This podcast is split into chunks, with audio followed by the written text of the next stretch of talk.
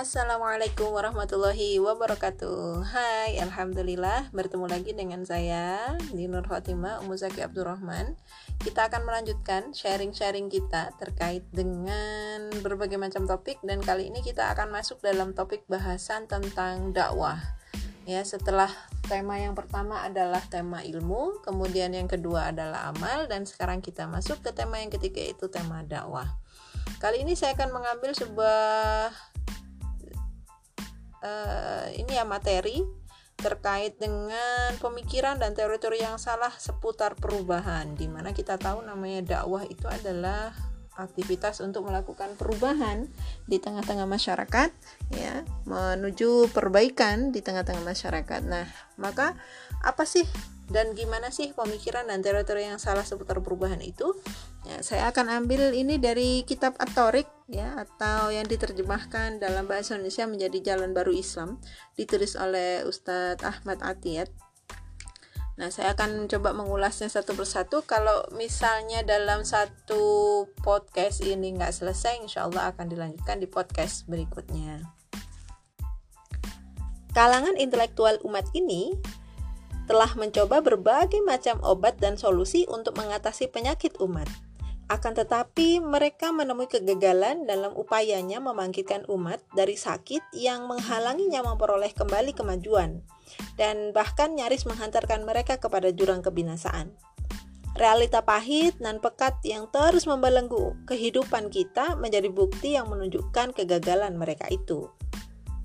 Seandainya kita teliti lebih dalam, seluruh faktor-faktor dasar yang membawa pada kegagalan para dokter itu akan kita temukan bahwa faktor tersebut tidak lebih merupakan salah satu dari dua faktor asasi.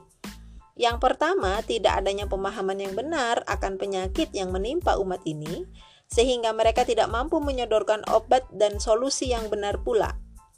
Atau, dan ini yang akan menjadi faktor kedua kita, yaitu bahwa mereka mampu mendiagnosa penyakit dan mengetahui obatnya, namun mereka tidak memberikan obat pada si sakit, yaitu umat ini, dengan dosis dan cara yang benar. Seharusnya mereka memberikan obat itu melalui mulut, yang terjadi malah memberikan lewat hidung, ya, atau yang lainnya. Seharusnya mereka memberikan obat itu sehari tiga kali, Kenyataannya mereka malah memberikannya sekali atau bahkan sepuluh kali dan seterusnya. Oleh karena itu, kita harus mengkaji obat yang ampuh dan solusi yang tepat, serta memiliki keyakinan kuat akan obat tersebut sebelum kita menyimpulkan solusi bagi umat. Obat itu harus sudah teruji secara pasti dan meyakinkan keampuhannya sebelum kita menyodorkannya kepada umat. Hal ini karena tidak tersisa lagi pada diri umat yang fakir ini karena banyaknya uji coba yang dilakukan kepadanya, tidak ada lagi urat nadi dan otot yang kuat, atau apa pun yang layak dijadikan sebagai ajang uji coba dan tempat untuk menusukkan jarum. Itu saja sudah cukup bagi umat ini untuk mengalami penderitaan dan sakit yang teramat sangat. Itu pula sebabnya umat menolak obat apa pun yang belum terbukti manfaatnya dengan metode yang pasti yang menunjukkan bahwa hal itu memang menjadi salah satu-satunya faktor penyembuh atau menjadi satu-satunya obat penyembuh. Tidak ada lagi obat selain itu yang bisa menyembuhkan umat. Berdasarkan hal ini, saya memastikan dan berpendapat untuk mengingatkan umat akan beberapa teknik penyembuhan yang pernah dilakukan sebelumnya. Akan tetapi, teknik-teknik tersebut ternyata menemui kegagalan. Meski sebagian obat itu telah nyata kegagalannya, namun senantiasa masih didengung-dengungkan dan masih saja selalu dipropagandakan. Apa saja di antaranya? Yang pertama adalah teori atau pemikiran bahwa kebangkitan umat itu bisa dicapai melalui ekonomi.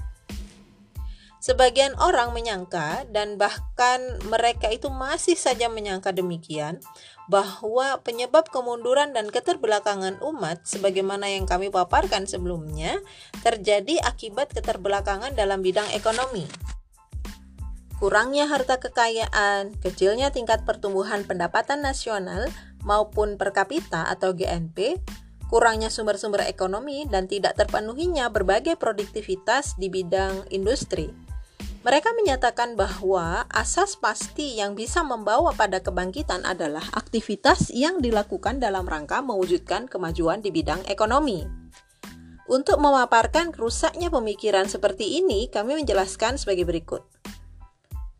Yang pertama, sesungguhnya Amerika yang menjadi negara adidaya di dunia saat ini tidak bangkit karena berasaskan pada ekonomi atau apa pun yang semisalnya.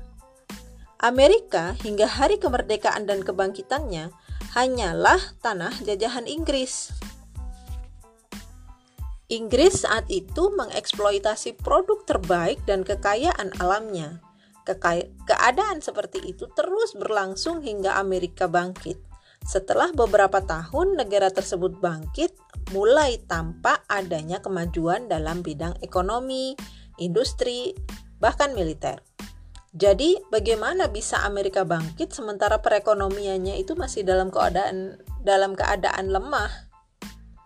Yang kedua, coba kita lihat kekaisaran Rusia menjadi negara yang paling lemah dalam bidang ekonomi dan kondisinya terus seperti itu hingga diubahnya sistem kekaisaran yang selama itu mengawasinya. Setelah beberapa tahun berlalu, sejak kedatangan sistem yang baru, mulai tampak kemajuan ekonomi di Rusia. Bagaimana Rusia bisa bangkit sementara waktu itu tengah mengalami kemunduran ekonomi? Yang ketiga, jika kekayaan, kefakiran, naiknya pendapatan nasional, maupun pendapatan per kapita menjadi tolak ukur kemajuan di bidang ekonomi, apakah tidak semestinya negara-negara seperti yang ada di kawasan Teluk atau di Persia dan juga Saudi Arabia menjadi negara yang paling maju dibandingkan negara-negara lain yang telah bangkit. Mengapa negara-negara Eropa bisa bangkit sementara negara-negara Arab tidak demikian? Nah, contoh-contoh yang telah dipaparkan tadi menjelaskan rusaknya pemikiran yang menyatakan bahwa ekonomi bisa menjadi asas dari kebangkitan.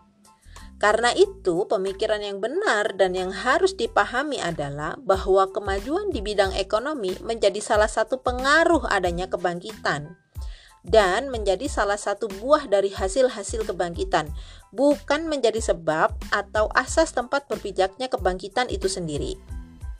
Kemajuan ekonomi mesti menjadi hasil dari sebuah kebangkitan jika tidak, ia bagaikan laju yang dipinjam yang dibaliknya tersembunyi kefakiran, kelaparan, dan kepapaan.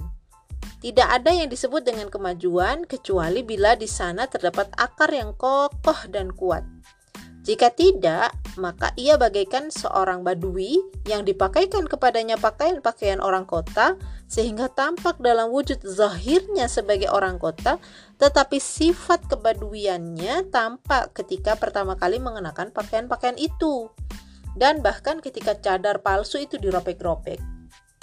Begitu pula halnya dengan kemajuan ekonomi apa yang sebenarnya akan terjadi jika negara-negara besar itu menerapkan atau menetapkan untuk memukul harga minyak Arab atau mereka negara-negara besar itu sesungguhnya mampu dengan berbagai cara untuk tidak membeli minyak. Yang akan terjadi adalah hilangnya tanda-tanda kemajuan ekonomi di kawasan Teluk dan Arab Saudi karena kemajuan tersebut tidak berdiri tegak di atas asas yang kuat. Wah, ternyata dugaan yang pertama atau pemikiran yang pertama bahwa kebangkitan umat itu bisa dilalui atau bisa didapatkan melalui ekonomi itu ternyata bisa dibantahkan ya atau ada ada yang membantahkan ya. Jadi apa yang ditulis oleh Ahmad Atir di dalam kitab At-Tariq ini atau Jalan Baru Islam ini uh, cukup logis bahwa ternyata ekonomi atau kebangkitan ekonomi itu hanya sebagai side effect-nya saja, hanya efeknya saja, hanya dampaknya saja, bukan sebab kebangkitan. Lalu sebenarnya apa ya sebab kebangkitan itu ya? Jadi kalau kita mau berdakwah di tengah masyarakat itu kita benar-benar cespleng gitu kalau ngasih solusi ya. Jadi kalau hari ini itu banyak sekali problem yang dihadapi oleh masyarakat, kita bisa memberikan solusi-solusi yang bisa kita tawarkan kepada mereka dan ini menjadi solusi yang benar-benar dicari dan ditunggu-tunggu untuk bisa mengubah keadaan masyarakat. Tentunya pasti akan penasaran bagaimana semestinya dan bagaimana seharusnya dan selain tentang ekonomi apalagi ya pemikiran-pemikiran yang salah tentang perubahan di tengah-tengah masyarakat. Masih stay tune di sini ya. Tetap di rumah inspirasi karena motivasi dan inspirasi selalu ada di sini.